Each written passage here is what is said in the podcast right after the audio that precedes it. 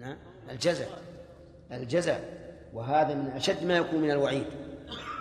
لأن من علم أن الله تعالى خبير بعمله فلا يتجاسر أبدا أن يخالف أمر الله عز وجل.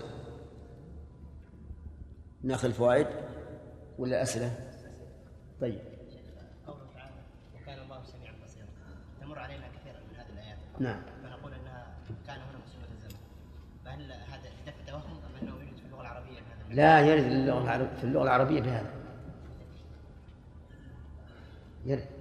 كان فلان مضيافا لإثبات كونه كريما. يضيف الناس. نعم. نعم عوض. ويحتمل أيضا في قوله أن تعدلوا يعني يكون منصوبا إلى الخافض والتقدير فلا تتبع الهوى. زين. محجوب. بعضهم الشيخ يفسر ما يذكر أي شيء يعني ما يذكر صحابي ولا نقل ولا يذكر إيش؟ ما يذكر في تفسيره يعني عندما يفسر بعضهم يفسر القرآن على طريقته فقط. يعني لا يقول ابن كثير أو قال شيخ الإسلام أو قال كذا أو قال فلان ما يذكر أي شيء. حتى النبي صلى الله عليه وسلم يعني تفسير الصحابة نقل عن النبي صلى الله عليه وسلم ما يذكر. التفسير رأي أن أن أن المفسرين ينقسمون إلى قسمين. مفسر بالنظر ومفسر بالأثر.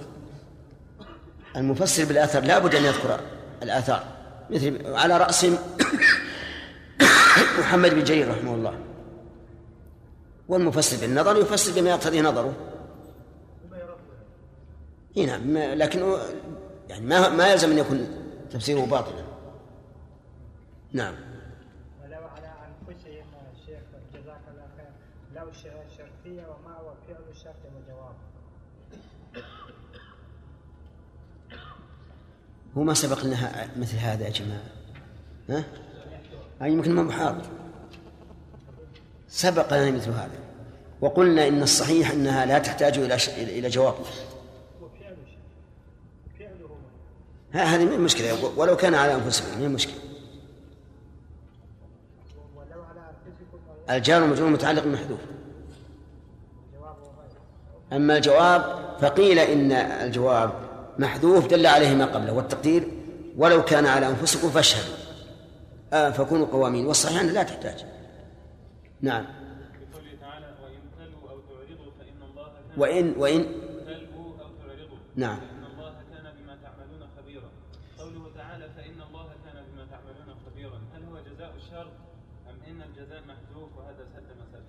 لا الصحيح أنها غير محذوف وأن الحكم يؤخذ من مثل هذا. كقوله تعالى إلا الذين تابوا من قبل أن تقضوا عليهم فاعلموا أن الله غفور رحيم. نعم. فؤاد؟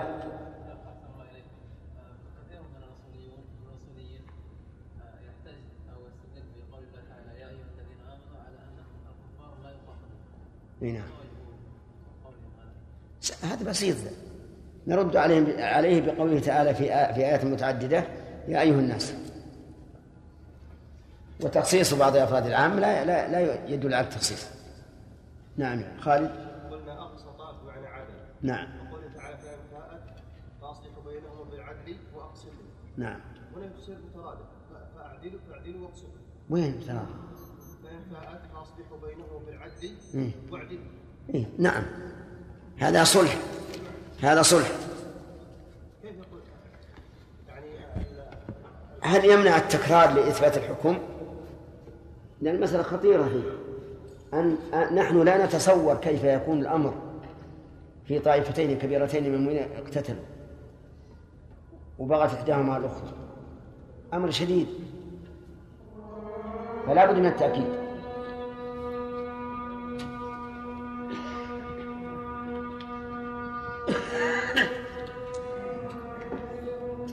الله أكبر.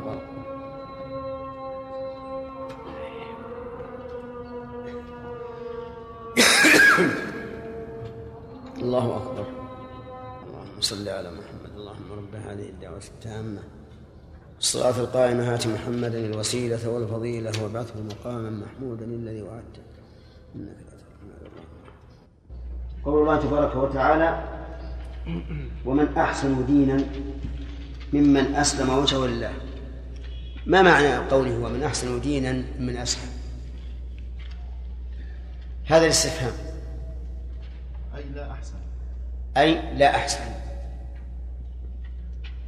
الاستفهام إذا أشر معنى النفي يعني فهو استفهام بمعنى النفي. طيب. آه، لماذا يعدل عن التعبير بالنفي الذي هو الأصل إلى الاستفهام؟ أبلغ لأنه يفيد التحدي. أبلغ في إيش؟ بمعنى المعنى هنا ما أي لا أحسن. يعني أبلغ في النفي. هنا كأن الم- المتكلم يتحدى المخاطب فيقول أرني ما هو أحسن. نعم. وعلى أي شيء نصب قوله دينا؟ تمييز. لأحسن.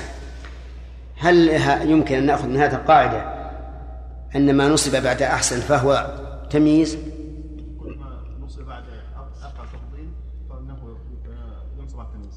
إذا كان مبينا له.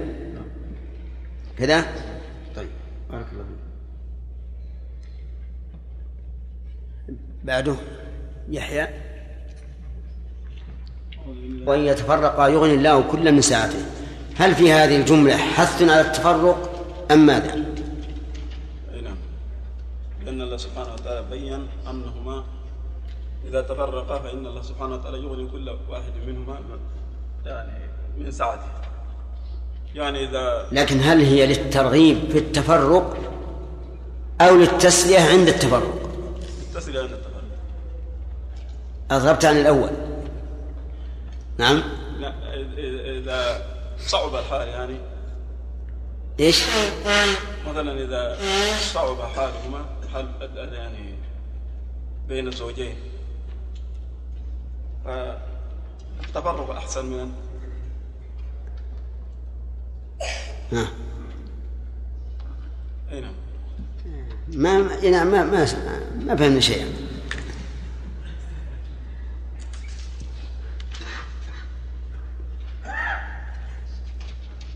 نعم. ها؟ أي يعني إذن تسليها عند التفرق. لكن لو قال قائل إنه إنه ترغيب في التفرق. كمال؟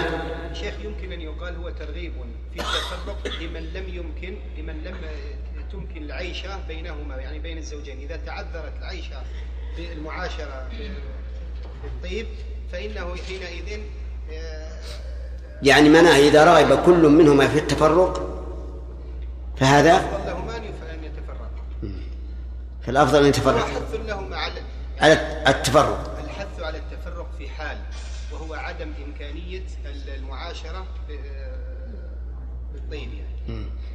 أن أن أن تكون المعاشرة يعني آه، مثلا آه، وجودهما مع بعض مما يعني يزيد الأمر شدة نعم فحينئذ يرغ يرغ آه، يرغبون في التفرق. وهذا خلافا للنصارى. ما وصلنا للخلاف. والفرق المهم على كل حال صار الآية تحتمل هذا وهذا. يعني حسب الحال. إن كان قد ندم أو ندم أحدهما أو خاف من من, من فصل العرى بينهما فيقال إن الله سبحانه وتعالى قدر التفرق ولكنه يعدكما بأن يغني بأن يغني كل واحد ومنكما من ساعته طيب. وأما إذا كان الفراق خيرا فهو ترغيب في الفراق فلا إذن على حسب على حسب الحال. الأخ. نعم. ما رجع لماذا؟ عذر. شرافي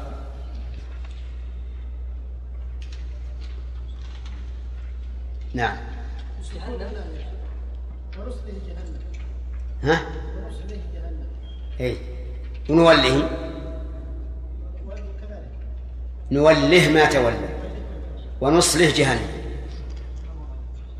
نعم. ها؟ ما ذكر؟ على كل حال إن لم يذكر فقد ذكر الآن. نوله نعم. كيف؟ أي نعم بس ادعى ادعى من نسي أنه أنه لم أنها لم تذكر. نعم. الآن ذكر. نوله ما تولى ونصله جهنم. وهذا التسكين للتخفيف. طيب يا محمد يقول عز وجل لا خير في كثير من نجواهم إلا من أمر بصدقة أو معروف. إلا من أمر. هل الآمر من النجوى حتى يصح الاستثناء؟ إلا من أمر. يعني لا خير في كثير من نجواهم إلا من أمر. كيف تستثنى الذات من المعنى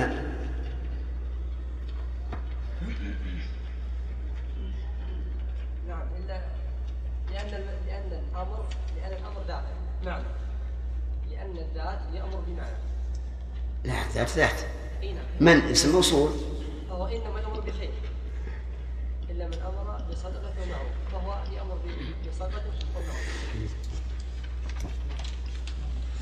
فسرنا النجوى بمعنى المتناجين. فالاستثناء يعني على بابه على الأصل. نعم. أما إذا فسرنا النجوى بالمصدر فيكون على تقدير إلا مناجاة من أمر. أو نجوى من أمر. طيب.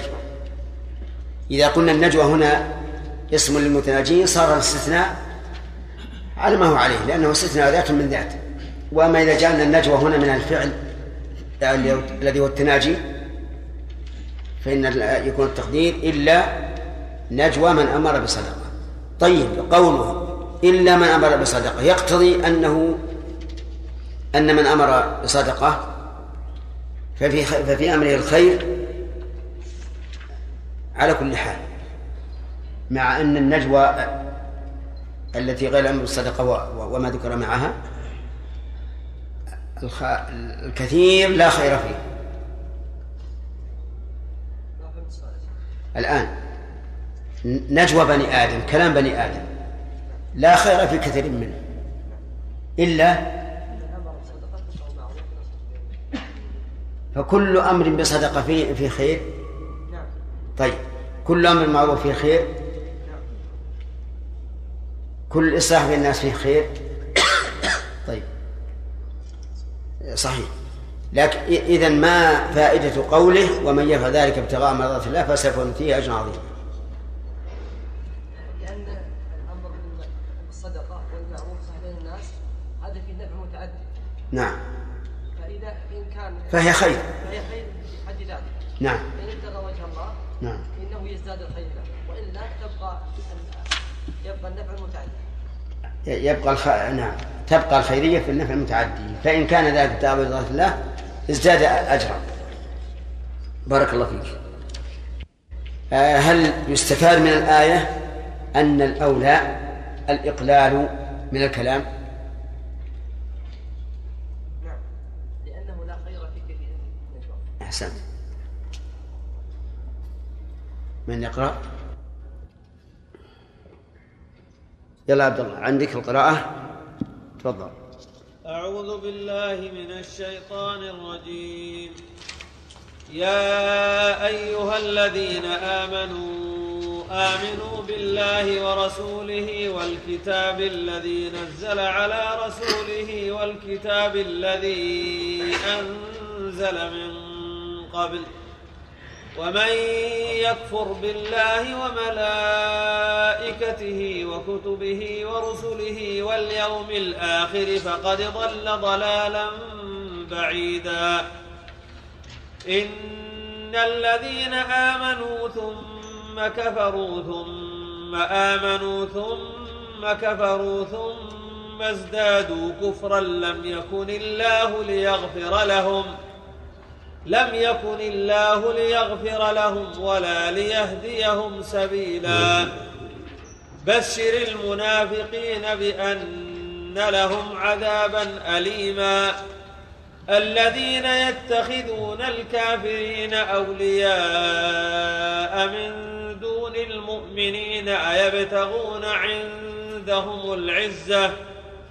أيبتغون عندهم العزة فإن العزة لله جميعا. كفاية أحسنت. أعوذ بالله من الشيطان الرجيم. قال الله تبارك وتعالى يا أيها الذين آمنوا آمنوا بالله ورسوله. فوائد أبدا من أين؟ طيب. آه نبدأ بفوائد الآية السابقة ونسأل الله الإلهام والتوفيق.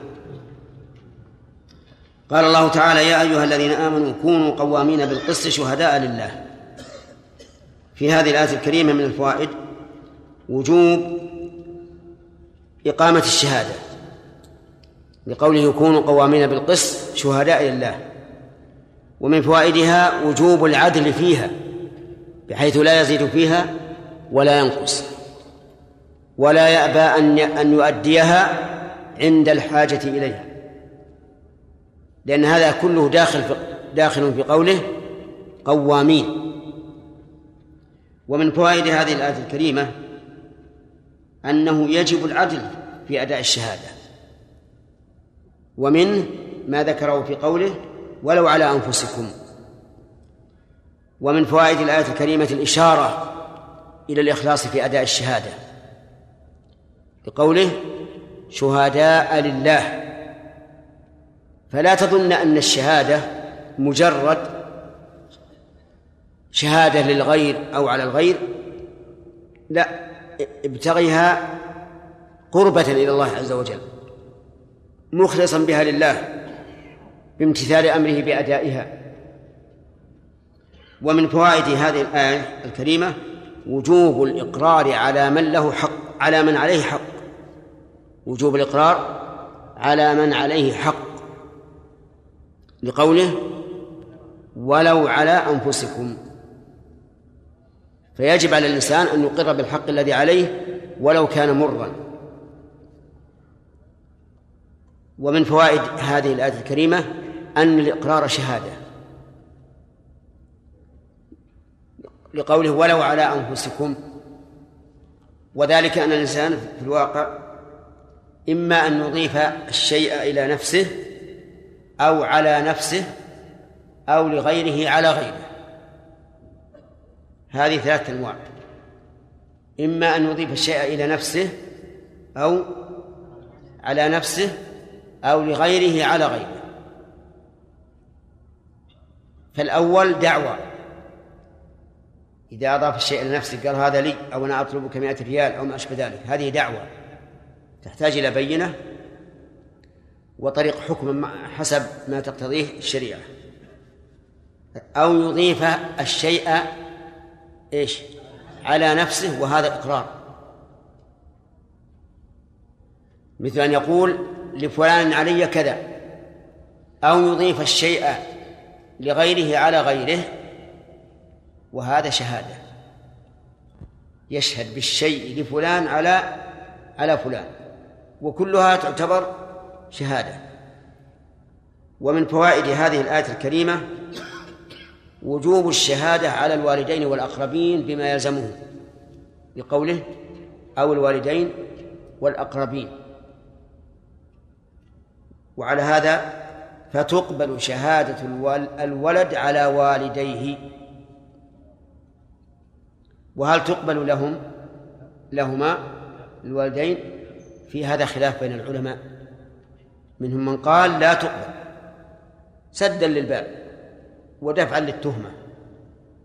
ومنهم من فصل فقال إذا علم أن الوالدين أهل تقى وصلاح وأنهما لن يدعيا ما ليس لهما وأن الولد أيضا على جانب كبير من التقى والأمانة فإن الشهادة للوالدين تقبل.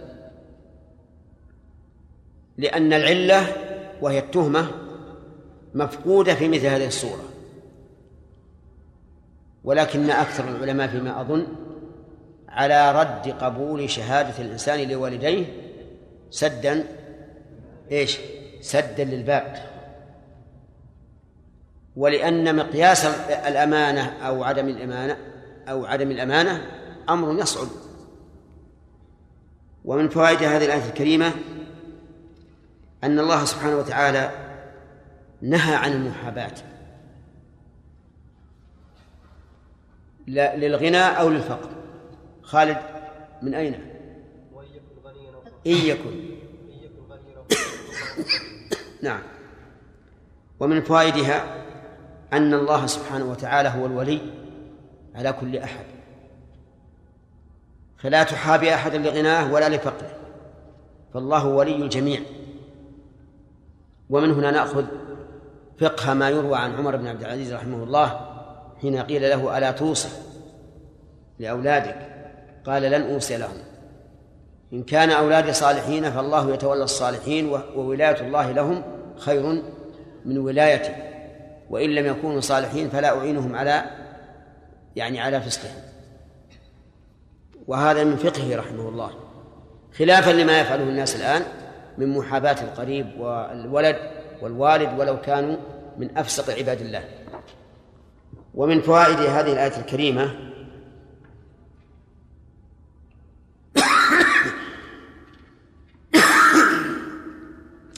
تحريم ما يسمى بالاشتراكية. لأن دعاة الاشتراكية والحمد لله أنها خملت نارهم يقولون إننا نريد أن نرحم الفقير لنأخذ من مال الغني ونعطيه الفقير رحمة به. فيقال إن الله أولى به منكم. والله عز وجل له الحكمة في جعل الناس بعضهم فقير وبعضهم غني. وقد أشار الله إلى ذلك في قوله تعالى ورفع بعضهم فوق بعض درجات ليتخذ بعضهم بعضا سخريا سخريا بالكسر. أي يسخر أحدهم بعضهم بعضا لأنه لو كان الناس على حد سواء ما استقامت الأمور. من يبني لك بيتك إذا كان الناس كلهم أغنياء؟ ومن يبني لك بيتك إذا كانوا كلهم فقراء لأنك ما عندك شيء تبني به. فالله عز وجل له الحكمة في هذه في, في اختلاف الطبقات. لكن مع ذلك لم يضيع حق الفقير فأوجب الزكاة وأوجب دفع الضرورة وأوجب النفقة على الأقارب وأوجب النفقة على الأزواج وما أشبه ذلك. وهذا كله يسد حاجات كثير من الفقراء. ومن نعم. سخريا بالضم؟ لا ما خلنا نشوف. خلنا نشوف جزاكم الله خير. اصبر. المصحف معنا.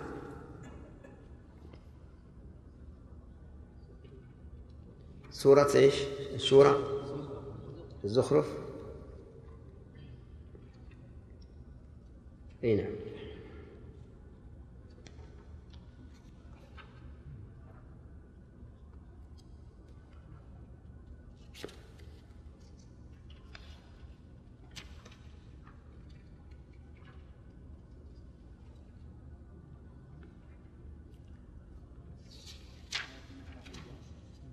نعم كيف؟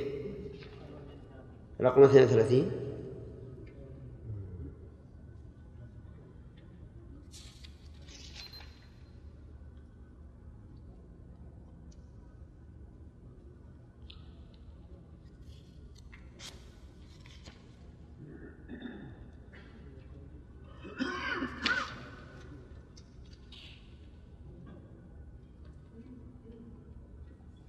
ومن يشاء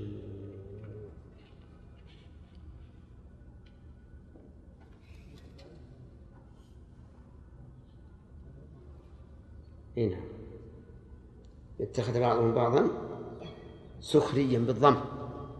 اي نعم. اذا عدناها يا بعضهم بعضا سخريا. نعم. طيب ومن فوائد الآية الكريمة تحريم اتباع الهوى الذي يخالف العدل. لقوله فلا تتبعوا الهوى أن تعدلوا.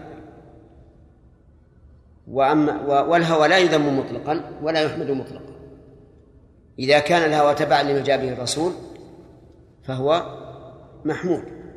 وإذا كان مخالفا له فهو مذموم. ولهذا قال لا تتبعوا الهوى أن تعدلوا أي كراهة أن تعدلوا. ومن فوائد هذه الآية الكريمة التحذير من الجور.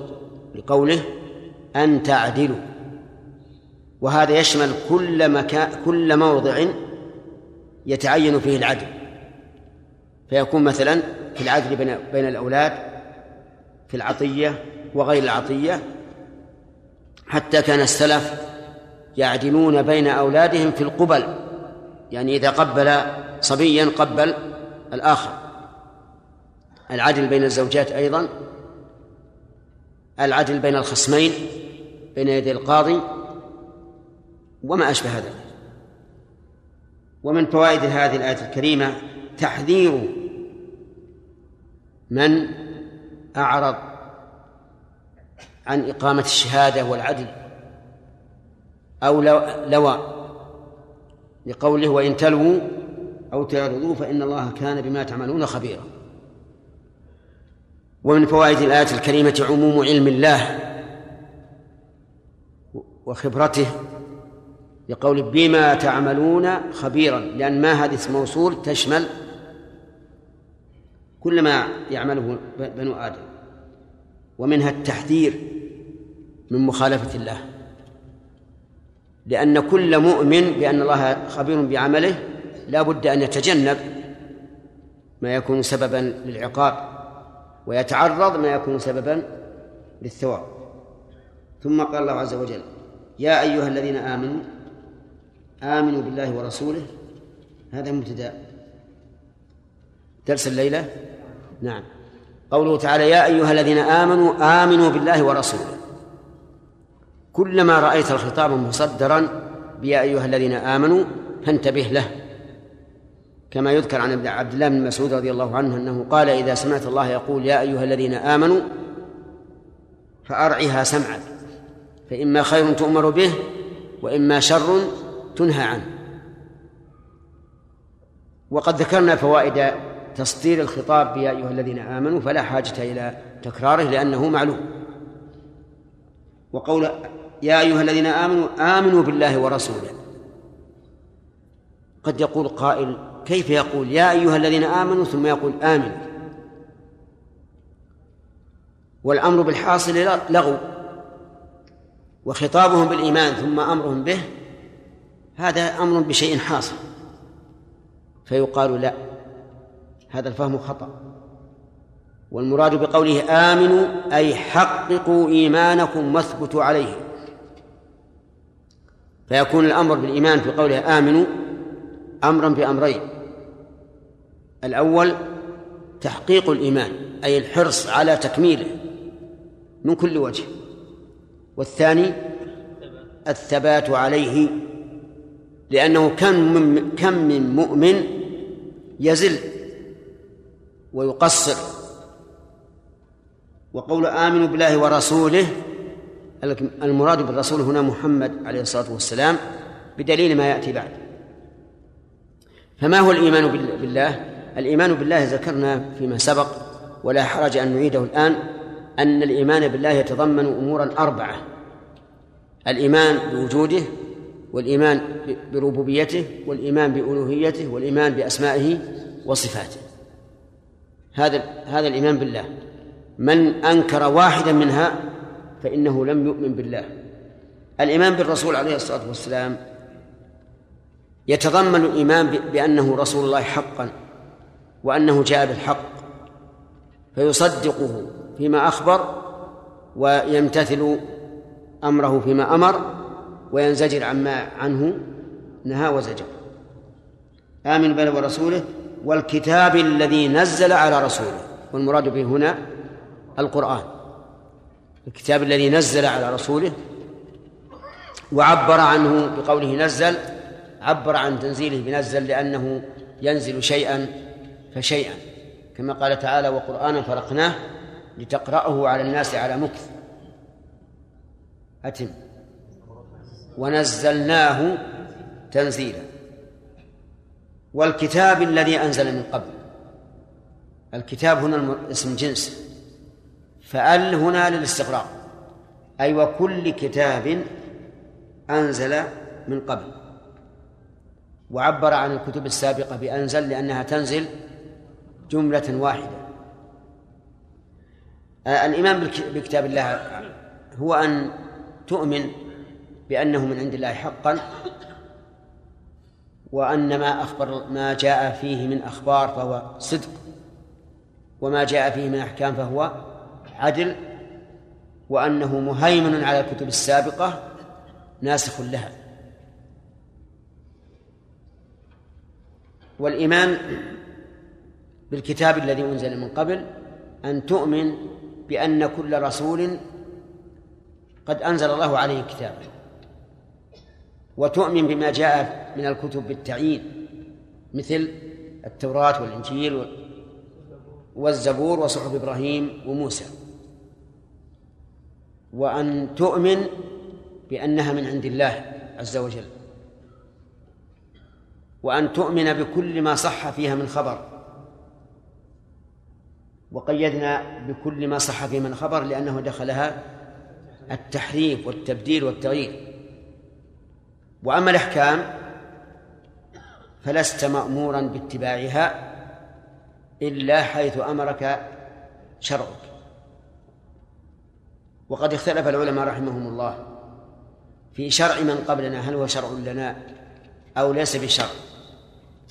والتحقيق أنه شرع لنا لقوله تعالى فبهداهم يقتده إلا إذا ورد شرعنا بخلافه فإنه يكون منسوخا. على أن العمل بالأحكام التي في الكتب الموجودة الآن بأيدي أهل الكتاب لا, لا ليس, ليس مأمونا لأنهم حرفوا وبدلوا وغيروا. ثم قال ومن يكفر بالله وملائكته وكتبه ورسله واليوم الآخر فقد ضل ضلالا بعيدا. كم هذه من أركان الإيمان؟ خمسة. باقي الإيمان بالقدر مذكور في آيات أخرى. من يكفر بالله فينكره أو ينكر ما ثبت له من حقوق أو من أسماء وصفات فقد ضل ضلالا بعيدا. وكذلك من ينكر من يكفر بالملائكة. والملائكة هم عالم غيبي خلقهم الله عز وجل ليقوموا بطاعته ورتب لهم وظائف. كل على حسب ما تقتضيه حكمة الله عز وجل. وهم أشرف من الجن. هم أشرف من الجن وأقوى وأعظم. فإن النبي صلى الله عليه وسلم رأى جبريل على صورته التي خلق عليها له ستمائة جناح. قد سد الأفق. وهذا شيء عظيم. العفريت من الجن قال لسليمان أنا آتيك به قبل أن تقوم من مقامك. والملك جاء به قبل أن يرتد إليه طرفه. وهذا أقوى وأعظم.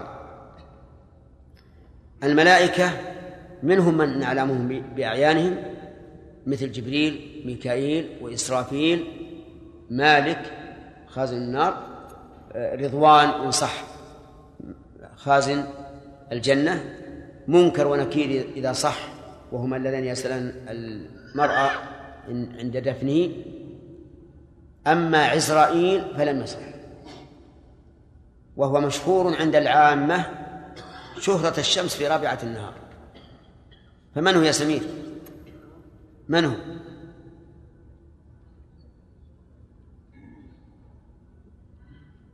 ما فهمت؟ لا تعرفه. نعم. نعم. ملك الموت عند العامة اسمه عزرائيل. وهذا الاسم عند العامة أشهر من اسم جبريل. ولكنه لكنه لم يصح عن النبي عليه الصلاة والسلام أنه بهذا الاسم.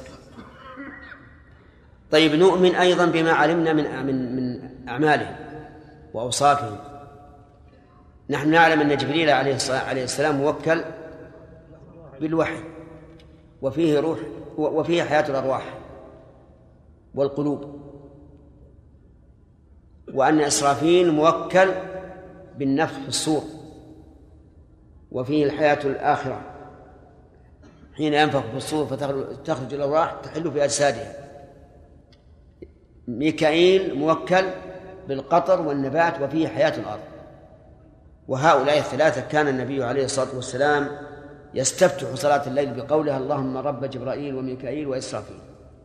لأن في هذه هذه هؤلاء الملائكة كل واحد له حياة معينة. ونحن الآن في في في استقبال النهار. واستقبال النهار بعد النوم يعتبر حياة جديدة كما قال تعالى وهو الذي يتوفاكم بالليل ويعلم ما جرحتم بالنهار ثم يبعثكم فيه. كذلك الكتب الإيمان بالكتب سبق التعليم بيان. الرسل أيضا نؤمن برسل الله عز وجل على سبيل الإجمال. وعلى سبيل التعيين في من علمنا في من علمناه بعينه. وليس كل الرسل قد علمناهم لقول الله تبارك وتعالى إيش؟ ورسلا قد قصصناهم عليك من قبل ورسلا لم نقصصهم عليك. ولقد أرسلنا رسلا من قبلك منهم من قصنا عليك ومنهم من لم نقصص عليك. لكن نؤمن بهم على سبيل الإجمال وأما المعين فنؤمن به على سبيل التعيين. وكيف نؤمن بهم؟ نؤمن بأنهم رسل الله وأنهم صادقون فيما أخبروا به عن الله عز وجل. وأنهم مبعوثون إلى أقوامهم وأنهم أدوا الرسالة. ولهذا سنستشهد يوم القيامة عليهم لهم وعلى أممهم. سنستشهد يوم القيامة لهم وعلى أممهم. كما قال تعالى وكذلك جعلناكم أمة وسطا لتكونوا شهداء على الناس. يقول عز وجل واليوم الآخر وهو يوم البعث. وسمي اليوم الآخر لأنه المنتهى ليس بعده يوم. الدنيا ثلاث مراحل مرحلة الأجنة ومرحلة الحياة ومرحلة البرزخ والرابع النهاية مرحلة البعث. ولهذا يسمى اليوم الآخر. و... و... فقد ضل ضلالا بعيدا. هذا جواب الشرط. شرط من؟ فقد ضل ضلالا بعيدا وصار في متاهات بعيدة. لأن هذه الأشياء أمرها ظاهر فجحدها وإنكارها ضلال بعيد ومكان سحيق. في الآية الكريمة فوائد. اولا وجوب الثبات على الإيمان. لقوله يا أيها الذين آمنوا آمنوا بالله ورسوله إلى آخره. ومن فوائد هذه هذه الآية الكريمة أيضا وجوب تكميل الإيمان. بناء على أن قوله آمنوا أي اثبتوا وحققوا الإيمان بإكماله. ومن فوائد الآية الكريمة وجوب الإيمان بالله عز وجل ورسوله وكتابه. لقوله آمنوا بالله ورسوله والكتاب الذي نزل على رسوله. ومن فوائد الآية الكريمة أن القرآن منزل لقولها الكتاب الذي نزل على رسوله. وفيما يتعلق بالله عز وجل فيه أن القرآن كلام الله. لأنه نزل من عنده. فيكون كلاما وعلو الله عز وجل أيضا لقوله نزل والتنزيل يكون من أعلى إلى أسفل. وكل هذا أمر معلوم في العقيدة. درستموه والحمد لله. لا حاجة إلى الإطالة فيه. ومن فوائد هذه الآية الكريمة أن القرآن منزل على محمد عليه الصلاة والسلام لقوله على رسوله. وأين موضع وأين منتهى نزوله؟ قلب النبي عليه الصلاة والسلام. يقول الله تعالى نزل به الروح الأمين على قلبك. فقد حل في قلب الرسول عليه الصلاة والسلام. ووعاه وبينه. ولم يفته حرف واحد كما قال تعالى فإذا قرأناه فاتبع قرآنه ثم إن علينا بيانه. ومن فوائد الآية الكريمة أن القرآن الكريم نزل مفرقا لقوله نزل على رسوله. واستشهدنا بالآية الكريمة وقرآنا فرقناه لتقرأه على الناس على مكث ونزلناه تنزيلا. ومن فوائد هذه الآية الكريمة وجوب الإيمان بالكتب السابقة. بقول الله تعالى والكتاب الذي أنزل من قبل. فلو أن أحدا قال أنا أؤمن بالقرآن لكن التوراة والإنجيل لم تنزل على رسولنا فلن أؤمن بها. قلنا أنت أنت كافر الآن. كافر مرتد. لأنه لابد أن تؤمن بالكتاب الذي نزل أنزل من قبل. كما أمرك الله. ومن فوائد نعم. ومن فوائد الآية الكريمة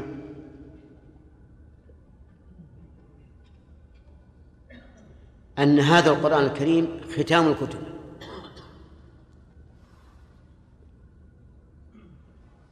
أن القرآن الكريم ختام الكتب. من أين تؤخذ؟ الذي أنزل من قبل ولم يقل ومن بعد.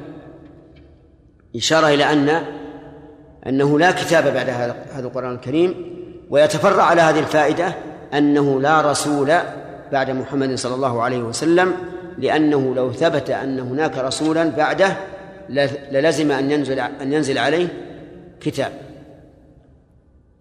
ومن فوائد الآية الكريمة تحذير التحذير من الكفر. لقوله فقد ضل ضلالا بعيدا. ومن فوائدها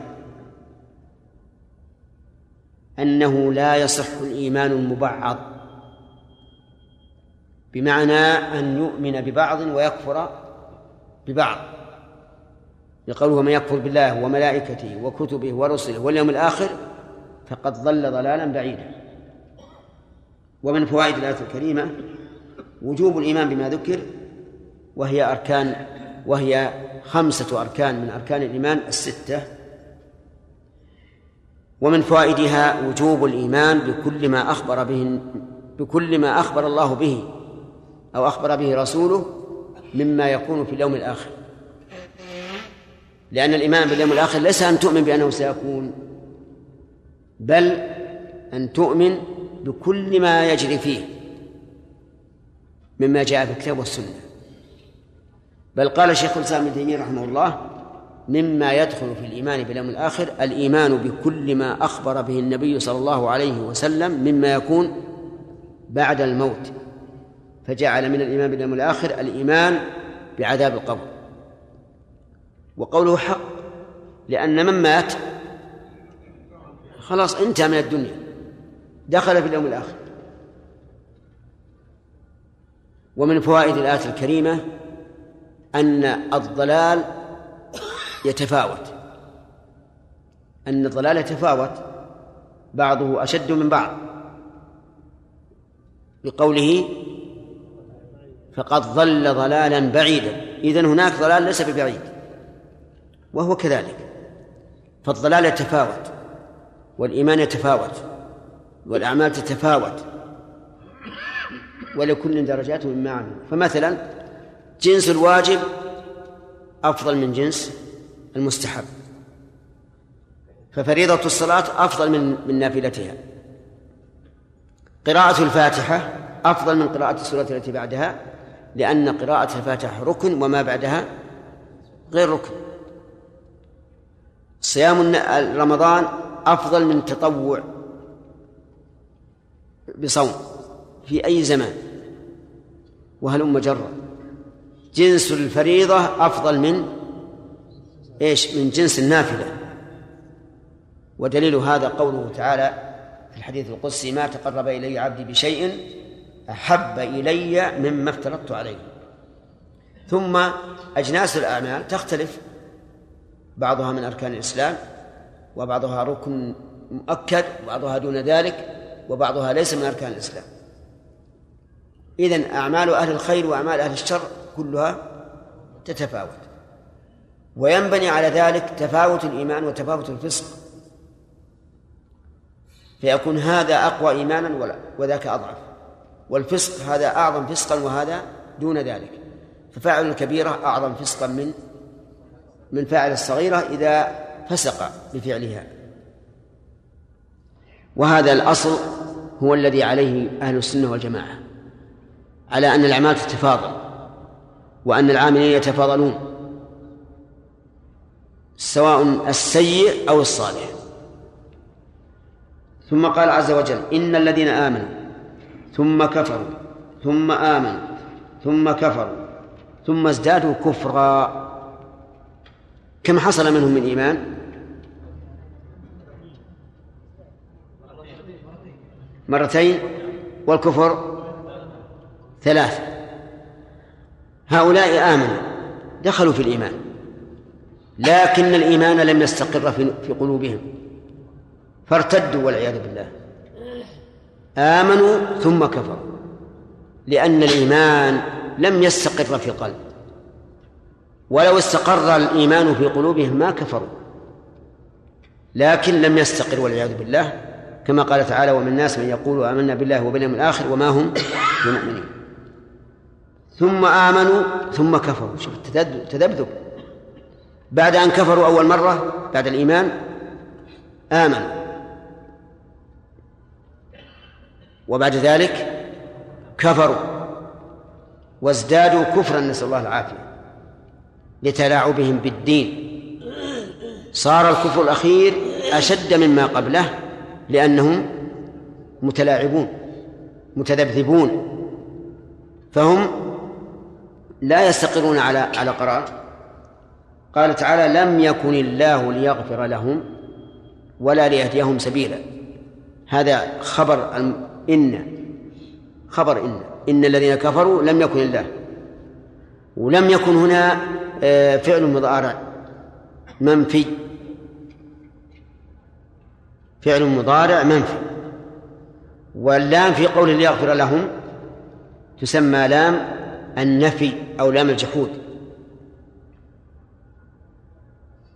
وهي زائدة على قول بعض النحويين وغير زائدة على قول آخرين. فالذين قالوا إنها زائدة قالوا التقدير لم يكن الله يغفر لهم. والذين قالوا غير زائدة قالوا إن لم يكن الله يغفر لهم على تقدير الإرادة. يعني لم يرد لغفرانهم. وأيا كان ففي ففي قول لم يكن الله ليغفر لهم تيئيس لهم من المغفرة والعياذ بالله وأنهم سيبقون على كفرهم إلى إلى يوم يلقونه ولا ليهديهم سبيلا.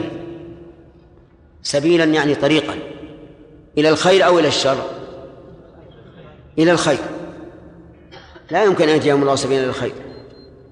وفي الآية التي في آخر السورة ولا ليهديهم طريقا إلا طريق جهنم خالدين فيها أبدا. قال ذلك في الذين كفروا وظلموا. فهذه فهؤلاء الذين حصل منهم ذلك قد سد الله عنهم باب المغفرة وباب الرحمة. باب المغفرة في قوله لم يكن الله ليغفر لهم وباب الرحمة في قوله ولا ليهديهم سبيلا.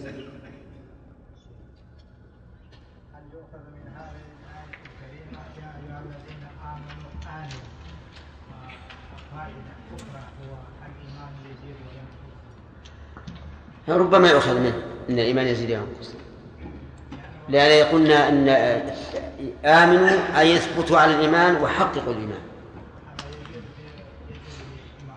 نعم. ها؟ نعم. نعم. إيش؟ الضلال البعيد نعم. يعود على كل من كفر بهذه واحد منها الضلال البعيد يعود على كل من كفر. بالأربع أو بواحد منها لأن الذي يؤمن ببعض ويكفر ببعض كالذي كفر بالكل. كما قال تعالى إن, إن, الذين يكفرون بالله ورسله إن الذين يكفرون بالله ورسله ويريدون أن يفرقوا بين الله ورسله ويقولون نؤمن ببعض ونكفر ببعض ويريدون أن يتخذوا بين ذلك سبيلا أولئك هم الكافرون حقا. نعم.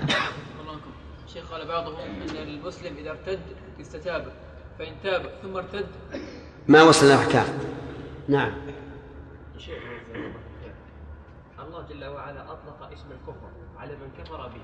وقلنا يا شيخ أن من كفر بالله الكفر بالله يتضمن الكفر بصفاته جل وعلا.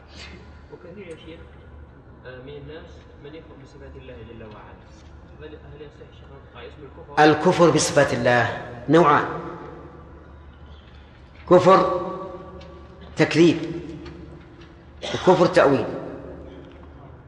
يعني بمعنى أدق إنكار صفات الله عز وجل ينقسم إلى قسمين إنكار تأويل وإنكار تكذيب. أما إنكار التكذيب فإنه كفر لأنه تكذيب للخبر. مثل أن يقول الرح في قوله تعالى الرحمن على العرش استوى قال إن الله لم يستوى على العرش هذا كافر مرتد. لماذا؟ أنكر الاستواء. لأنه كذب كذب الخبر. أما إذا قال الرحمن على العرش استوى استوى لكن بمعنى استولى. فهذا إنكار تأويل. هذا لا يكفر إلا إذا أول تأويلا لا, لا, لا يستقيم إطلاقا. فهمت؟ هل يلزم من ارسال الله عز وجل الرسول أن ينزل عليه كتاب؟ اي نعم. الدليل يا جماعة؟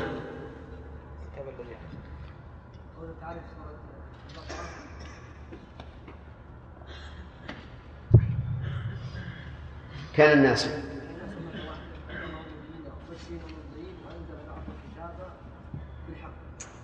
وأنزل من الكتاب الحق ليحكم وأنزل معهم الكتاب؟ ليحكم بين الناس فيما اختلفوا فيه. أيضا آية أخرى لقد أرسلنا رسلنا بالبينات وأنزلنا معهم الكتاب والميزان. نعم.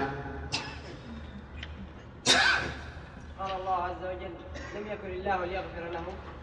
وقال, في آية أخرى إن الله يغفر الذنوب جميعا. نعم. سيأتينا إن شاء الله. ما, ما ذكرنا الفوائد. قلت اللي وراء. هل الرسل الذين ينزل الله عز وجل عليهم الكتب كلمة الرسالة هنا تتضمن الأنبياء؟ أي أن كل نبي ينزل بكتاب أيضا؟ ليس ليس الظاهر. الظاهر إن الأنبياء لا ينزل عنهم كتب. إنما الكتب للرسل فقط. لأنهم هم المكل- هم المكلفون بإبلاغ الخلق رسالة ربهم. الراجع في التفريق بين الرسول والنبي يا شيخ؟ أي نعم. بينهما فرق. ما الراجع فيه؟ لكن كل ما ذكر بلفظ النبي في القرآن فهو رسول. قلت حفظك الله أن شريعة من كان قبلنا هي شريعة لنا. هل يدخل في هذا ما لم يرد. نعم ما لم يرد نص في ذلك. شرعنا بخلافه ما لم يرد شرعنا بخلافه نعم. هل يدخل في ذلك صيام صيام يوم ويوم؟ إيش؟ صيام هل يدخل في ذلك صيام يوم ويوم؟ يوم يوم؟ يوم يعني صوم يعني يوم صوم يوم. صوم يوم وأفطار يوم. هذا أقره الرسول عليه الصلاة والسلام. طيب لماذا لم قال أفضل الصيام صيام داود. طيب لماذا لم يفعله صلى الله عليه وسلم؟ لماذا؟ لم يفعله صلى الله عليه إيه. وسلم هذا أنت أنت تعلم بارك الله فيك أن الرسول صلى الله عليه وسلم إمام الأمة وسلطان الأمة وأمير الأمة. ويشتغل بأشياء كثيرة أهم من هذا أحيانا تمر به الجنازة وهو عند أصحابه يتكلم معهم ولا يقوم مع الجنازة. مع أن اتباع الجنائز من أفضل الأعمال. لكن الرسول عليه الصلاة والسلام يراعي مصالح أخرى أفضل مما يقول إن هذا أفضل شيء. إي نعم. شرافي. بعض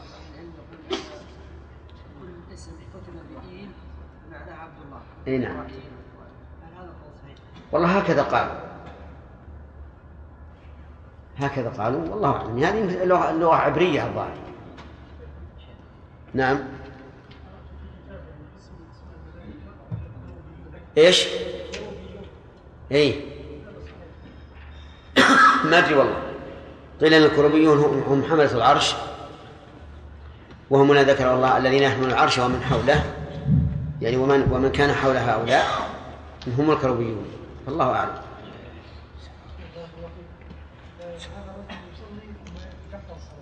ثم يصلي ثم ثم قطعها بالمرة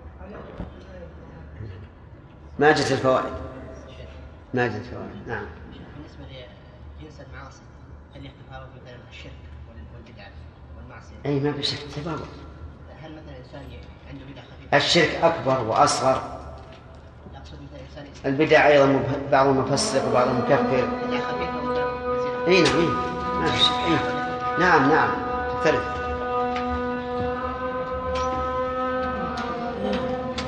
تبارك وتعالى. انتهينا إلى قوله سبحانه إن الذين آمنوا ثم كفروا. فوائدها ما حل. طيب. من فوائد الآية الكريمة إن الذين آمنوا ثم كفروا ثم ازدادوا كفرا أن المتذبذب بين الإيمان والردة يكون مآله أن يزداد كفرا لقوله ثم ازدادوا كفرا. وذلك والله أعلم أن الإيمان لم يدخل قلبه. ومن فوائد الآية الكريمة أن من العلماء من استدل بهذه الآية على أن من تكررت ردته لم تقبل توبته. من تكررت ردته لم تقبل توبته. قالوا لأن الله قال إن الذين آمنوا ثم كفروا ثم آمنوا ثم كفروا ثم ازدادوا كفرا لم يكن الله ليغفر لهم. فهل هذا الاستدلال صحيح؟ قد يقول قائل إنه ليس بصحيح. لأن آخر أمر هؤلاء إيش؟ أن ازدادوا كفرا.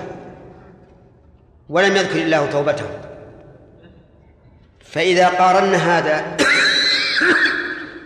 بقوله تعالى قل يا عبادي الذين أسرفوا على أنفسهم لا تقنطوا من رحمة الله إن الله يغفر الذنوب جميعا. قلنا هذه الآية تقضي على ما ذكره هؤلاء العلماء الذين قالوا إن من تكررت ردته لا تقبل توبته لأن الآية إن إن الله يغفر الذنوب جميعا. وإن قالوا إننا لا نقول إنها لا تقبل توبته لأنه لأنه لو تاب لم تقبل لكننا نقول إنه بعيد أن يتوب. بعيد أن يتوب. ولهذا كان أمر هذا الرجل ولهذا ولهذا كان أمر هؤلاء أن يزداد الإنسان إيش؟ كفرا. فنحن لا نقول إنه لو تاب لم تقبل لكن نقول يبعد أن يتوب. بل آخر أمره أن يزداد كفرا. وبناء على هذا نقول إذا ظهر من هذا الذي تكررت ردته إذا ظهر منه الإيمان الصحيح والاستقامة وصلاح الحال فإننا نقبل منه. وما ذاك على الله بعزيز. وهذا هو الأصح. أن من تكررت ردته يجب أن نتأنى في قبول توبته. حتى نعرف إيش؟ صدق توبته وصلاحه واستقامته وأنه تاب توبة نصوحا ومن فوائد هذه الآية الكريمة الرد على القدرية والرد على الجبرية. الرد على الجبرية الذين يقولون إن الإنسان مجبر على عمله وأن فعله لا ينسب إليه إلا مجازا. فالرد عليهم من قوله آمنوا ثم كفروا ثم آمنوا ثم كفروا ثم ازدادوا كفرا فأضاف الأفعال إلى من؟ إليهم. وفيه رد على الجبرية لأن الجبرية عندهم أن العبد ليس له فعل اختياري. الجبري يقول العبد ما له فعل اختياري. مجبر على العمل. كتحرك السافة في الرياح فلما قيل لهم كيف يكون ذلك؟ والله تعالى يثيب الطائع ويعاقب العاصي. أي حكمة في إثابة الطائع وعقوبة العاصي والكل منهم يفعل بغير اختياره؟ قالوا ما لا نتحج على الله. يفعل الله ما يشاء. والظلم تصرف الفاعل في غير ملكه. والكل ملك لله فإذا تصرف في ملكه بما شاء ولو بتعذيب المطيع وإنعام وتنعيم العاصي فهو ملك. وبناء على ذلك نفوا الحكمة في أفعال الله. وقالوا ليس ليس لله حكمة في أفعاله هو يفعل لمجرد المشيئة. وفيه أيضا رد على القدرية لقوله ولا ليهديهم سبيلا. فدل هذا على أن الهداية بيد الله وليس يستقل بها العبد. والقدرية يقولون إن الإنسان مستقل بفعله ليس لله فيه مشيئة ولا خلق. وغلاتهم يقولون ولا علم ولا كتابة فغلاتهم ينكرون جميع مراتب القدر العلم والكتابة والمشيئة والخلق. ومقتصدوهم ينكرون مرتبتين من مراتب القدر وهما إيش؟ المشيئة والخلق. يقول الله يعلم وقد كتب ما يكون لكنه لا يشاء. الإنسان مستقل بعمله وكلا الطائفتان غاليتان مفرطتان. القدرية غلوا في إثبات فعل العبد وتطرفوا في إثبات خلق الله ومشيئته والجبرية بالعكس. ومن فوائد هذه الآية الكريمة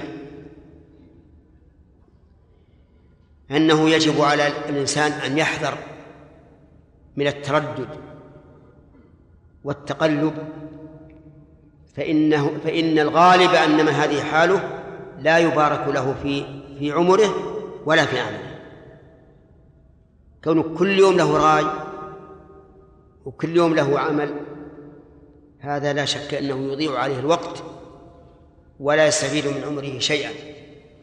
ولهذا يذكر عن عمر رضي الله عنه أنه قال من بورك له في شيء فليلزمه. من بورك له في شيء فليلزمه. وهذا عام في كل شيء في العمل حتى في السيارة إذا بورك لك فيها فالزمها وإن كان كل يوم تخرب عليك فطر عنها. طر عنها ولا بها؟ عنها. طيب. على كل حال في هذا دليل على الإنسان لا ينبغي له أن يتقلب وليثبت ولكن ليس معنى قولنا هذا أنه يثبت على الباطل بعد أن يرى أنه باطل. بل الواجب إذا تبين له أنه باطل الواجب أن يأخذ بالحق. كما قال عمر في كتابته إلى أبي موسى الأشعري لا يمنعنك قضاء قضيته بالأمس أن تقضي بالحق فيه اليوم. فإن الرجوع إلى الحق خير من التمادي في الباطل. ومن فوائد هذه الآية الكريمة أن أن الله سبحانه وتعالى إذا علم من حال العبد أنه لن يستقيم فإنه لن يغفر له ولن يهديه. لأن هؤلاء آمنوا ثم كفروا ثم آمنوا ثم كفروا ثم ازدادوا كفرا. ويترتب على هذه الفائدة التي دلت عليها هذه الآية ودل عليها قوله تعالى فلما زاغوا أزاغ الله قلوبهم يتفرع على هذه الآية أن الأعمال الصالحة تجلب الأعمال الصالحة والأعمال السيئة تجلب الأعمال السيئة. فإذا من الله عليك بعمل صالح فأبشر أنه سيمن عليك بعمل آخر تتبعه إياه.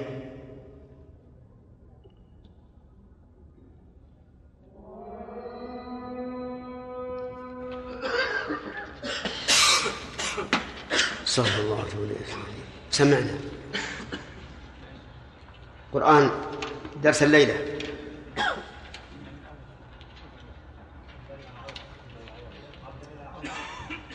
ها هو موجود عبد الله هو؟ يلا عبد الله. أعوذ بالله من الشيطان الرجيم.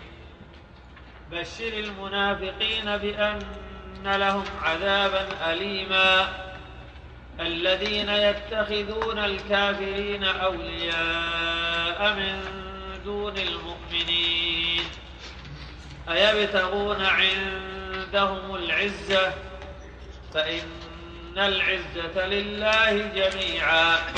أعوذ بالله من الشيطان الرجيم. تكلمنا على الآية السابقة على فوائدها وأحكامها وهي قوله تعالى إن الذين آمنوا ثم كفروا.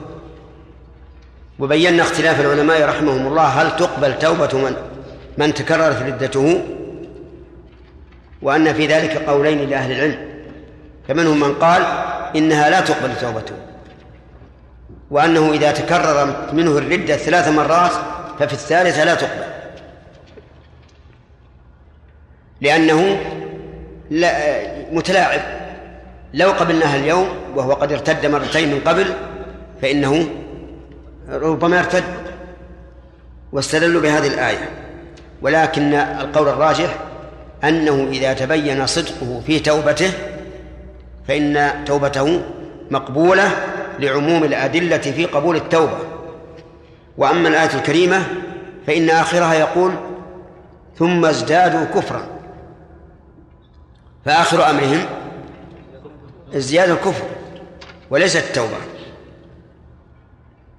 وبين الحذر من أن من تذبذب الإنسان. كملنا الفوائد قال الله تعالى بشر المنافقين بأن لهم عذابا أليما. بشر الخطاب للرسول عليه الصلاة والسلام. ويمكن أن نجعله عاما لكل من يتوجه الخطاب إليه سواء الرسول صلى الله عليه وعلى آله وسلم أم غيره.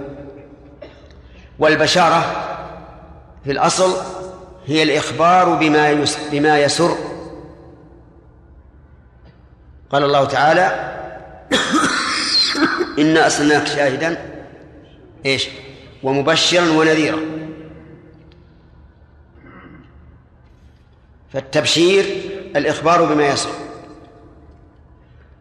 فكيف قال بشر المنافقين بأن لهم عذابا أليما؟ وهل العذاب الأليم يسر؟ لا. أجاب بعض العلماء بأن هذا من باب التهكم به بهم. وهذا يقع كثيرا في كلام الناس. إذا رأى إنسانا متمردا قال ابشر ابشر بالخيبة ابشر بالعقوبة وما أشبه ذلك. ومنه قوله تعالى ثم صبوا فوق رأسه من عذاب الحميم ذق إنك أنت العزيز الكريم. فإن بعض العلماء قال المراد بقوله إنك أنت العزيز الكريم التهكم. وبعضهم قال إنك أنت العزيز الكريم في الدنيا وهذا جزاؤك في الآخرة. أما الجواب الثاني فقالوا إن البشارة هي الإخبار بما يتغير به الوجه من من خير أو شر. وسميت بذلك لأن البشرة تتغير لكن إذا أخبر الإنسان بما يسره استنار وجهه. وإذا أخبر بما يسوءه أظلم وجهه واكفهر. وعلى هذا فلا يكون في الآية إشكال هل قيل هذا على سبيل التهكم أو على سبيل الحقيقة بل يكون قيل على سبيل الحقيقة. وقول المنافقين يعني الذين نافقوا بإظهار الإسلام وإبطان الكفر. مأخوذ من نافقاء اليربوع أي جح أي جحره. لأن اليربوع له جحر له باب مفتوح يحفر في الأرض خندقا. ثم يجعل في آخر الجحر قشرة رقيقة. حتى إذا أتي من باب الجحر سهل عليه أن يرفع هذه القشرة الرقيقة برأسه ويخرج. هذا أصل النفاق. من نافقاء ليربوع آدم. أنت فهمت؟ طيب. والنفاق لم يكن معروفا قبل الإسلام. لكن ولا في أول الإسلام. لأن أول الإسلام ليس هناك قوة للمسلمين يخاف يخافها الناس. لكن لما صار للمسلمين شوكة وقوي المسلمون وذلك بعد انتصارهم في غزوة بدر في السنة الثانية بدأ النفاق يظهر. وقال المنافقون إن أمره قد اشتد وظهر فلا بد أن نداهنه ولا بد أن نظهر أننا معه. حتى لا ينالنا بسوء. وحصل لهم ما أرادوا فإن الرسول صلى الله عليه وسلم لم ينالهم بسوء حتى إنه استؤذن في قتلهم فقال لا يتحدث الناس أن محمدا يقتل أصحابه. لكن هذا لا, لا, لا ينفعه. إذن أول ما ظهر النفاق متى؟ حين قوي المسلمون بعد غزوة بدر. بشر المنافقين بأن لهم عذابا أليما. بأن متعلق بشر وعذابا اسم أن ولهم خبرها مقدم. بأن لهم عذابا أليما أي مؤلما. فما هذا العذاب الأليم؟ سيأتي في آخر الآيات قول الله تعالى إن المنافقين في الدرك الأسفل من النار. ولن تجد لهم نصيرا. في هذه الآية الكريمة أنه ينبغي لنا أن نصالح المنافقين. بأن نبشرهم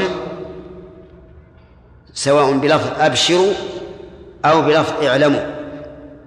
بأن لهم عذابا أليما حتى يرتدعوا عن نفاقهم ومن فوائد هذه الآية الكريمة أن المنافقين مستحقون للعذاب الأليم لقوله بأن لهم واللام هذه الاستحقاق ومن فوائد هذه الآية أيضا أن أن عذابهم مؤلم موجع. ثم بين من صفاتهم ما ذكره بقوله الذين يتخذون الكافرين أولياء من دون المؤمنين. هذه من علامات النفاق. أن الإنسان يتولى الكفار دون المؤمنين. لأنه يجد المؤمنين يجد المؤمنين ضعفاء. ليس لهم شوكة. والكفار أقوياء. لهم الشوكة والسلطة فيتخذهم أولياء. يواليهم يناصرهم يداهنهم ولو على حساب الدين. كما يوجد الآن من بعض من بعض الناس بالنسبة لموالاة الكفار من دون المؤمنين. بل تجده سيفا مسلولا على على المسلمين. وتجد على الكفار إيش؟ ماء باردا. يواليهم ويناصرهم. هذا من صفات المنافقين. الذين يتخذون الكافرين أولياء من دون المؤمنين. أولياء في أي شيء؟ في, التولي في جميع الأمور. أولياء في المحبة. أولياء في, في النصرة والمساعدة ولو بالقول. أولياء في تقويم اقتصادهم. أولياء في مداهنتهم. وعدم التعرض لهم وما هم عليه. المهم أن طرق الولاية كثيرة. وقول شيء من دون المؤمنين أتت من الدالة على بعد الصلة بينه وبين وبين المؤمنين. كقوله تعالى ومن بيننا وبينك وبينك حجاب. فهو أبلغ من قوله وبيننا وبينك حجاب. هذه أيضا من دون المؤمنين. تدل على بعد الصلة بين المؤمنين والمنافقين. قال تعالى أيبتغون عندهم العزة؟ أي أيطلبون عند الكافرين العزة يعني الغلبة والقوة والقهر. وهذا هو الذي يحصل من بعض من يتولى الكفار يطلبون منهم العزة أن يعتزوا بهم. فأبطل الله هذا هذا الابتغاء بقوله هذا الابتغاء بقوله فإن العزة لله جميعا. ما هي العزة عند الكفار؟ وهذا كقوله تعالى عن المنافقين أنفسهم يقولون لئن رجعنا إلى المدينة ليخرجن الأعز منها الأذل. وهذا حق لكن من الأعز؟ ولله العزة ولرسوله وللمؤمنين. وهنا لم يقل و والله الأعز ورسوله والمؤمنون.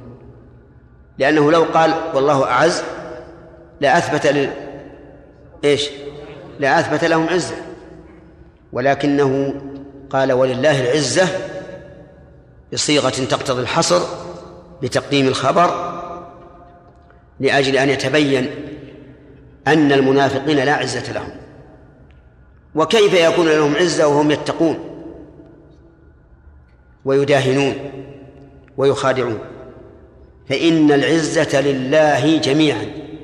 كلمة جميعا حال من العزة وهي تدل على أن هناك أنواع من أنواع من العزة. وهكذا قال العلماء إن العزة ثلاثة أنواع عزة القدر وعزة القهر وعزة الامتناع. فالله تعالى وحده هو القاهر لكل شيء الغالب لكل شيء. والله وحده هو ذو القدر العظيم الذي لا يماثله شيء. والله وحده هو الذي يمتنع عليه كل نقص وكل عيب. ولهذا قال فإن العزة لله جميعا. في هذه الآية من من الفوائد بيان صفة قبيحة من صفات المنافقين وهي, وهي الأخ.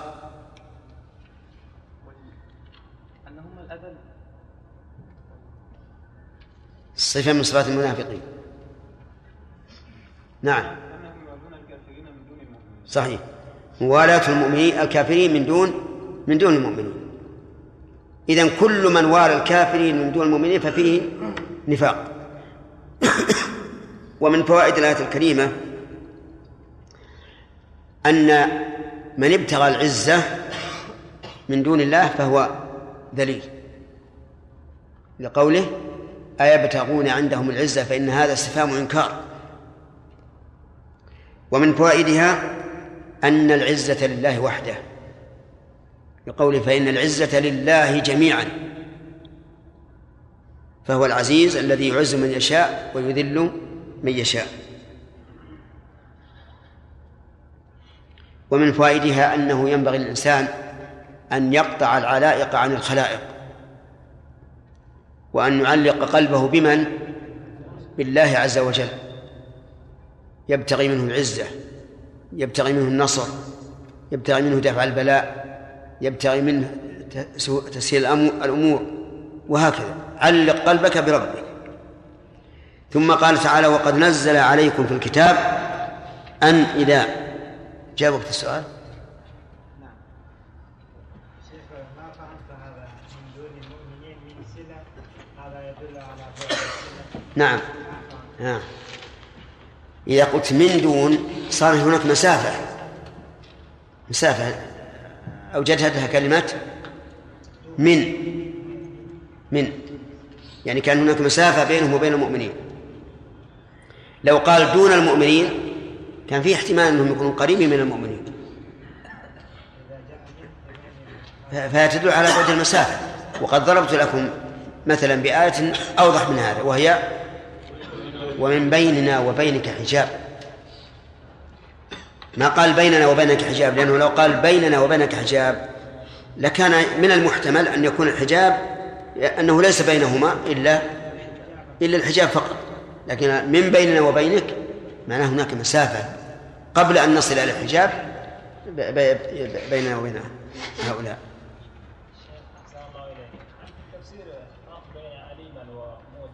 إيش؟ بين العذاب الأليم وإيش؟ اي نعم. هو أليم بمعنى موجع. إيه نفس المعنى أحسن الله إليك يا شيخ لو قال لنا قائل يا شيخ متى يكفر من والى أعداء الله عز وجل يكفر من والاهم من ناصرهم على المسلمين. أو أحب انتصارهم على المسلمين. أو انتصار الباطل على الحق. أما مجرد الولاية بالعهد أو الولاية بالمعاملة فهذه لا تخرج لا تخرج من من الإسلام وقد لا تكون مذمومة فضلا عن كونها مخرجة من الإسلام. الذي يحزن يا شيخ. نعم الذي يحزن بمصائبه ومعاصيه لا شك إن هذه ولاية؟ لكن على مسألة الكفر الكفر صعب. لكن لا شك أن هذه ولاية. لكن ربما يأسف الإنسان لمصائبهم لأنه يرى أنها تضره إذ قد تكون علاقة ال- الناس بهذا ال- الدولة أقوى من من علاقتهم بالدولة الأخرى وأنفع. والله عز وجل قال ويومئذ يفرح المؤمنون بنصر الله. انتصار الروم على الفرس. نعم. أحسن الله إليك. بعض العلماء قال يعني البشارة هنا بمعنى التحكم وما معنى التحكم؟ أيهم بشر المنافقين. البشارة.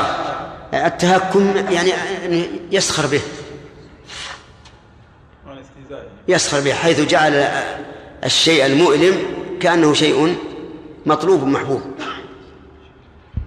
شيخ بارك الله فيك هل هناك فرق بين الموالاة والمداهنة وهل هناك نوع من المداهنة يجوز نعم. آه، الموالاة كما قلنا أنه يناصرهم ويساعدهم ويتولاهم يكون من أوليائه والمداهنة أن يسكت عن باطله ليسكتوا عنه لكن ما بينه وبينهم صلة في الموالاة. والمداهنة حرام والموالاة أشد. لكن المداراة لا لا بأس بها إذا دعت الحاجة إليها بارك الله فيكم. قلتم أنه ينبغي لنا ان نصارح ال- المنافقين بالبشارة بالعذاب. نعم. مع أن النفاق أمر قلبي. مع أن؟ مع أن النفاق أمر قلبي. نعم. فكيف يتم ذلك؟ لا له, له علامة له علامة قال الله تعالى ولو نشاء لأريناكهم فلعرفتم بسماهم ولا تعرفنهم في لحن القول نعم دافع الموالاة هو غلبة الكافر على المسلم كيف؟ إذا كان دافع الموالاة هو غلبة الكافر على المسلم يعني يعني بأن يكون هو قوي فهو يواليه يتقي شره فمن أي نوع من أنواع يكون؟ لا ما هو ما هو موالاة هذه. قد تكون ه- هذه تكون مداهنة أو مداراة أيضا ربما تكون مداراة أليس يجوز لنا أن نعطي من زكاة فريضة الإسلام أن نعطي منها الكافر اتقاء شره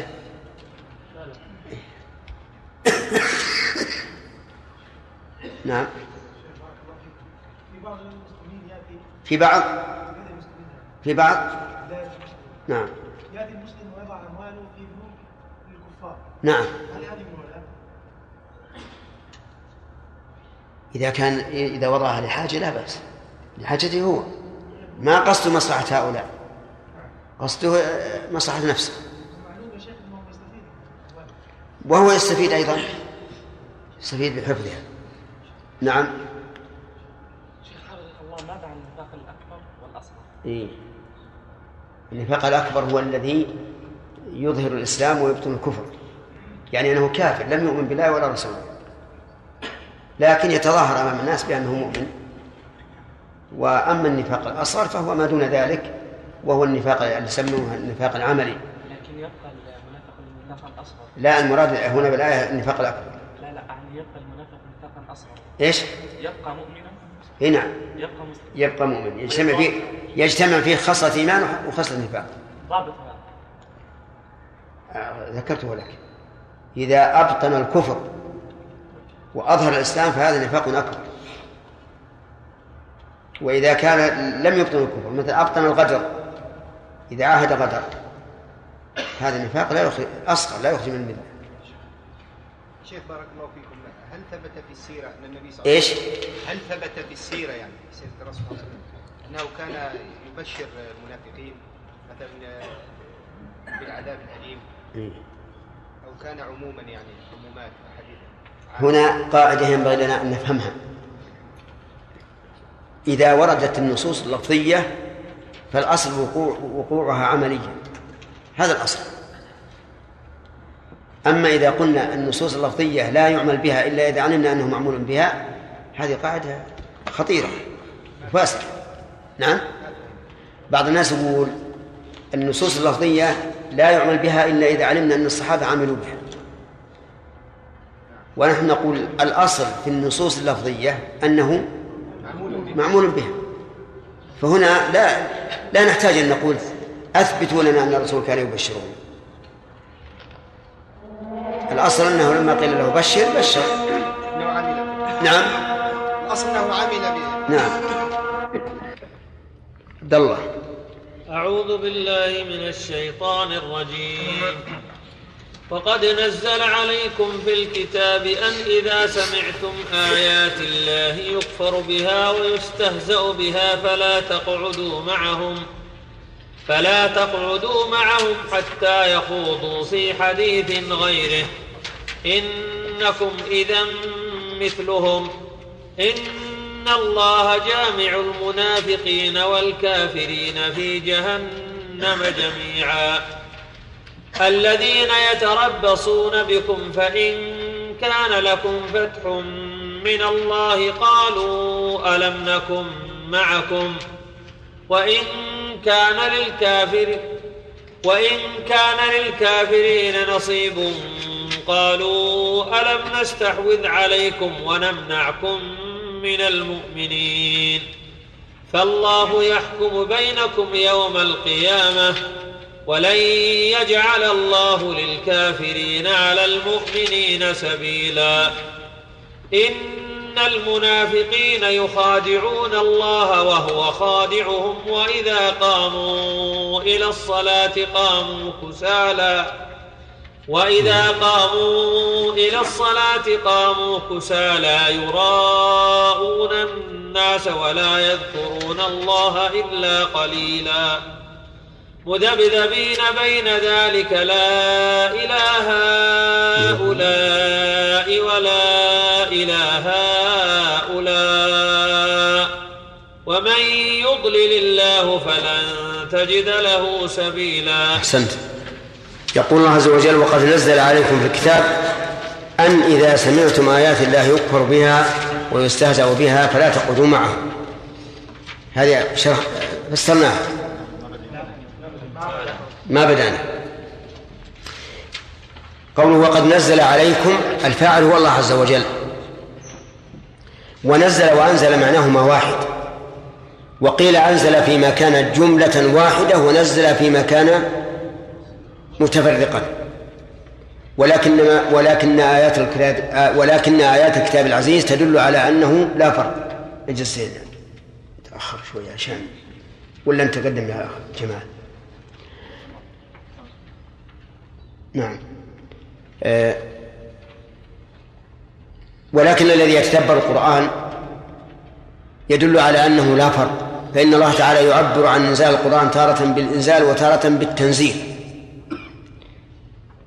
نعم إلى فصل في هذا مثل قوله وقال الذين كفروا لولا نزل عليه القرآن جملة واحدة كذلك أي نزلناه لنثبت به فؤادك. فعلى حسب ما ما ما حصل. وقد نزل أي الله عز وجل عليكم في الكتاب أي في القرآن. وإذا فسرنا الكتاب بالقرآن فهذا تفسير بالمراد. وإذا فسرنا الكتاب بالمكتوب فهذا تفسير باللفظ. فالتفسير باللفظ هو الذي يفسر اللفظ بما يوافق اشتقاقه. والتفسير بالمراد هو الذي يفسر اللفظ فيه بما أريد به. بقطع النظر عن الاشتقاق. فإذا قلت الكتاب بمعنى المكتوب فهذا تفسير لفظي باللفظ. وإذا قلت المراد به القرآن فهذا تفسير بالمراد. وهذا يقع كثيرا في القرآن الكريم. تارة تفسر الكلمة بمرادها وتارة تفسر بما بما يوافق اشتقاقها. على كل الكتاب هنا فعال بمعنى مفعول أي مكتوب. وسمي مكتوبا لأنه مكتوب في اللوح المحفوظ ولأنه مكتوب في المصاحف التي بين أيدينا ولأنه مكتوب بأيدي السفرة الكرام البررة. يقول أن إذا سمعتم هذه أن مصدرية ويجوز أن تكون تفسيرية لأن التنزيل يتضمن معنى القول دون حروفه.